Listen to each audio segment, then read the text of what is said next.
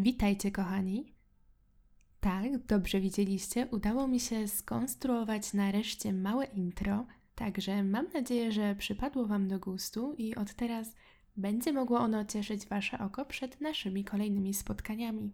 A dzisiejszy odcinek będzie odcinkiem wyjątkowym, ponieważ będzie dotyczył on sprawy polskiej. Tak, tak, Wasze marzenie się spełniło. Zajęłam się w końcu polską sprawą. I mimo, że z taką obawą podjęłam się zrealizowania tej prośby, to jednak musiało się to odbyć na moich warunkach. Inaczej nie byłoby w końcu klimatu posłuchaj o zbrodni. Dlatego też dzisiejsza sprawa będzie to sprawa retro, która będzie dotyczyć kobiety i która da nam lekki wgląd w raczkujące, bardzo jeszcze wtedy, metody śledczo-badawcze, jak w Polsce radzono sobie w tamtych czasach z różnymi problemami, jakie można było napotkać w trakcie śledztwa. Bohaterka naszej dzisiejszej opowieści jest też wyjątkowa pod względem ilości słynnych procesów, w których brała udział, ponieważ takowe były aż dwa. Czy udało mi się rozbudzić Waszą ciekawość? Jeśli tak, to już nie przedłużam i zaczynamy. Janina Borowska mieszkała w Krakowie i w roku 1909 była dokładnie na ostatnim roku medycyny. Ta bardzo ładna kobieta o inteligentnych oczach i tajemniczym półuśmiechu miała dosyć ciężko w życiu. Posiadała dziesięcioro rodzeństwa, a jej własne dziecko zmarło zaledwie cztery lata wcześniej. By zapełnić pustkę po tej okrutnej stracie, dziewczyna znalazła sobie dosyć ciekawe zajęcie. Zaangażowała się bardzo w działalność partii socjalistycznej. Współpracowała ściśle z Aleksandrem Sulkiewiczem, jednym z najbardziej zaufanych współpracowników samego Józefa Piłsudskiego i członka ścisłego kierownictwa partii. Sulkiewicz wysyłał Janinę do Królestwa Polskiego z bibułą, czyli tak zwanymi nielegalnymi wydawnictwami. Brał też od niej paszporty, aby dzięki tym dokumentom osoby z partią mogły bezpiecznie podróżować. Niestety, w socjalistycznej gazecie Naprzód, ukazującej się regularnie w Krakowie, opublikowano artykuł o, zresztą moim zdaniem dosyć finezyjnej nazwie, Szpieg. Autor tego zresztą niepodpisanego tekstu, który znalazł się na pierwszej stronie gazety, miał na myśli inną osobę niż Janinę, mianowicie Stanisława Brzozowskiego, który nie jest dosyć istotny dla tej historii, ale wspominał także o innych osobach z tak zwanej czarnej listy. I właśnie na tej czarnej liście wymienił Janinę Borowską, zastanawiając się przy tym, co takiego zrobiło z niej rosyjskiego szpiega. Dziewczyna postanowiła nie zostawiać tak tej sprawy i wynajęła adwokata, doktora Włodzimierza Lewickiego, aby ten wniósł skargę przeciwko autorowi artykułu, którego zresztą udało się odnaleźć i był to Emil Hecker. Podczas procesu przed krakowskim sądem stawił się niejaki Michał Bakaj, były rosyjski agent, który demaskował carskich szpiegów – Powiedział on, że poznaje Janinę i że widział ją w gabinecie swojego szefa, ale ona sama oczywiście kategorycznie zaprzeczała. Niestety, alibi Janiny na czas, gdy Bakaj twierdził, że ją widział, było niezbyt mocne. Mimo to sąd nie dał wiary jego zeznaniom. 23 lutego 1909 roku Heger został uznany winnym zniesławienia. Jednak to niezwycięstwo było najbardziej zaskakującym skutkiem tego głośnego i relacjonowanego we wszystkich gazetach na bieżąco procesu. Już na początku ich współpracy pomiędzy Janiną a Włodzimierzem ewidentnie coś zaiskrzyło. Między obojgiem wybuchł płomienny i intensywny romans. Ale jak to w życiu bywa, już pod koniec Lewicki znudził się dziewczyną i nie zamierzał ciągnąć tej przelotnej znajomości. Skarżył się nawet, że Janina zaczęła robić się lekko nachalna. Myślę, że pewnie nie była nachalna, a to Włodzimierz chciał ograniczać z nią stopniowo kontakty. Toksyczna sytuacja ewidentnie bolała kobietę, a jej silne uczucia z czasem nie słabły. Włodzimierz, chociaż może i był dobrym adwokatem, jako mężczyzna jawił się jako niezłe ziółko. Obiekty swoich westchnień, czy też może po prostu partnerki do uciech cielesnych, tego nie dowiemy się nigdy, zmieniał jak rękawiczki, a własną żonę pozostawił bez środków do życia. Rasowy podrywacz i uczucia młodej, zdecydowanej i pewnej siebie kobiety? Hmm. Myślę, że dobrze skończyć to się nie mogło. I tak oto 5 czerwca tego samego roku do mieszkania adwokata wezwano karetkę. Prawnik podobno miał postrzelić się z pistoletu. Na miejscu zastano Janinę i nieprzytomnego Włodzimierza, który leżał na podłodze. Podobno miał postrzelić się sam z pistoletu i rzeczywiście na jego prawej skroni widać było ranę. Gdzieś tam dalej w pokoju dało zauważyć się zbity klosz lampy naftowej. Ponieważ Janina powiedziała medykom, że wypadek zdarzył się godzinę wcześniej, zszokowani spytali się, dlaczego tyle czasu czekała z wezwaniem pomocy. I wtedy dziewczyna wytłumaczyła, że właściwie to Włodzimierz był przez cały ten czas przytomny i rozmawiał z nią. To też nie sądziła, że jego stan jest aż tak poważny. Niestety, w pewnym momencie upadł bez słowa na podłogę. Mężczyznę zabrano do szpitala, a jego stan określono jako bardzo ciężki i po niedługim czasie niestety Włodzimierz zmarł. O całej sprawie została oczywiście powiadomiona policja.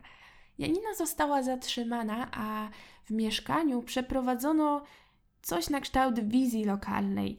Niestety była to totalna pomyłka, ponieważ nie dość, że ta rzekoma wizja tak naprawdę nic nie wniosła, to jeszcze Ewentualne ślady, które znajdowały się w mieszkaniu, zostały zatarte, a różne przedmioty poprzestawiane.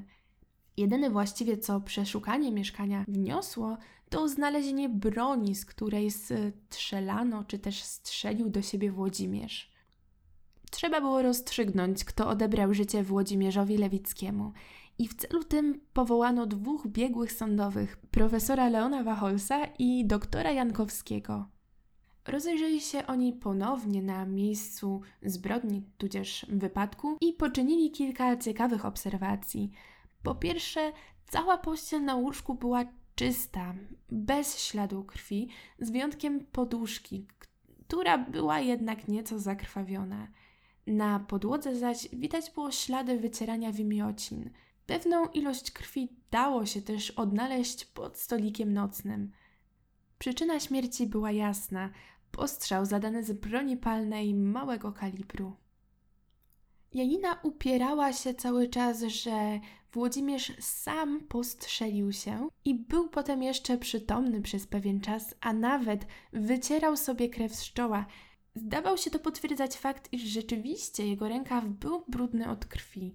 Generalnie przesłuchano mnóstwo świadków, demaskowano całą, zresztą bardzo intensywną znajomość, jaka miała miejsce pomiędzy Włodzimierzem a Janiną, ale z tych wszystkich dywagacji nic nie wyniknęło i sprawie groziłby impas, gdyby nie doktor Jankowski, który napisał pismo do sądu, w którym poprosił, aby znaleziony pistolet, a był to Browning, więc jeśli słuchaliście moich poprzednich odcinków, to doskonale wiecie, że była to bardzo rewolucyjna półautomatyczna broń, żeby ten pistolet y, wystrzelać w celu sprawdzenia, jak lecą naboje, gdzie padają łuski i na tej podstawie spróbować wysnuć e, jakieś wnioski na temat odległości, z której strzelano i kierunku strzału, czyli coś na kształt takiej analizy balistycznej.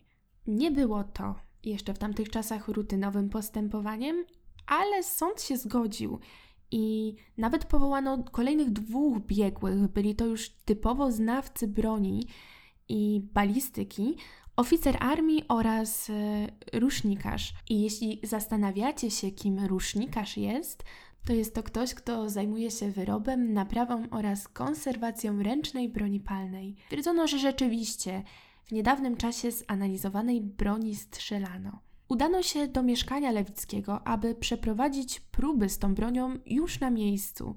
Do tego celu użyto specjalnie przygotowanego manekina, którego umieszczano w różnych miejscach i w różnych pozycjach w pomieszczeniu, a następnie oddawano w niego strzały. Brzmi dosyć makabrycznie, ale tak to właśnie wyglądało. Spytacie się zapewne, czy coś z tej próby wyniknęło. A ja Wam odpowiem, ano wyniknęło i nie wyniknęło wcale. Gdyby strzelano do Włodzimierza tak, jak wskazywała na to znaleziona wcześniej w tym pomieszczeniu łuska, to wszystko wskazywało na to, że mężczyzna został zamordowany. Jednak z drugiej strony, na podstawie rozrzutu ziaren prochu, Ustalono, że strzelano do niego z odległości zaledwie 6 cm, co wystało opozycji do wcześniejszego ustalenia, czyli równie dobrze mężczyzna mógł zostać postrzelony z krótszej odległości, ergo mógł też to zrobić sam. Niemożliwym było jednoznaczne potwierdzenie jednej z dwóch wersji.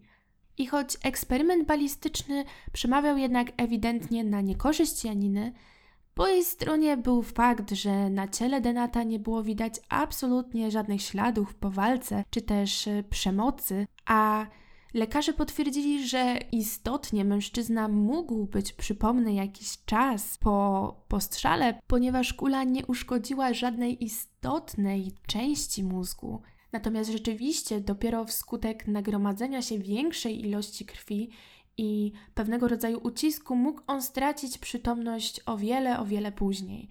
Był to jeszcze czas, kiedy w polskim systemie sądowniczym, chociaż trudno mówić, że polskim, bo hmm, były zabory, y, funkcjonowało coś takiego jak ława przysięgłych. Na pytanie, czy Borowska strzelała do Lewickiego z zamiarem pozbawienia go życia, ława ta niemal jednomyślnie stwierdziła, że nie. Natomiast jeśli chodzi o to, czy użyła broni już w innym zamiarze, mm, domyślnie zrobienia mu krzywdy, tu zdania były podzielone, a dokładniej równo połowa uważała, że, że Janina chciała wyrządzić krzywdę Włodzimierzowi, natomiast druga połowa uważała, że kobieta jest definitywnie niewinna.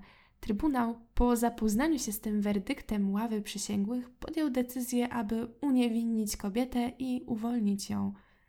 Janina Borowska, mimo że już drugi raz udowodniła, że jest niewinna w głośnym procesie medialnym, postanowiła wyjechać z Krakowa, ponieważ życie dla niej w tym otoczeniu było już skończone. Zbyt wielu ludzi uważało, że jest ona nadal tajną carską agentką i że mecenas wcale nie popełnił samobójstwa.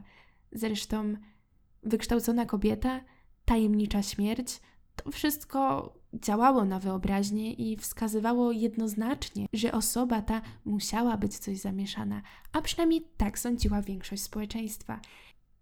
Jestem bardzo ciekawa, co sądzicie o tej sprawie, co sądzicie o pierwszych, hmm, dosyć nieudolnych eksperymentach balistycznych przeprowadzanych w Polsce. Czy jest może jakaś sprawa, o której chcielibyście posłuchać w następnej kolejności?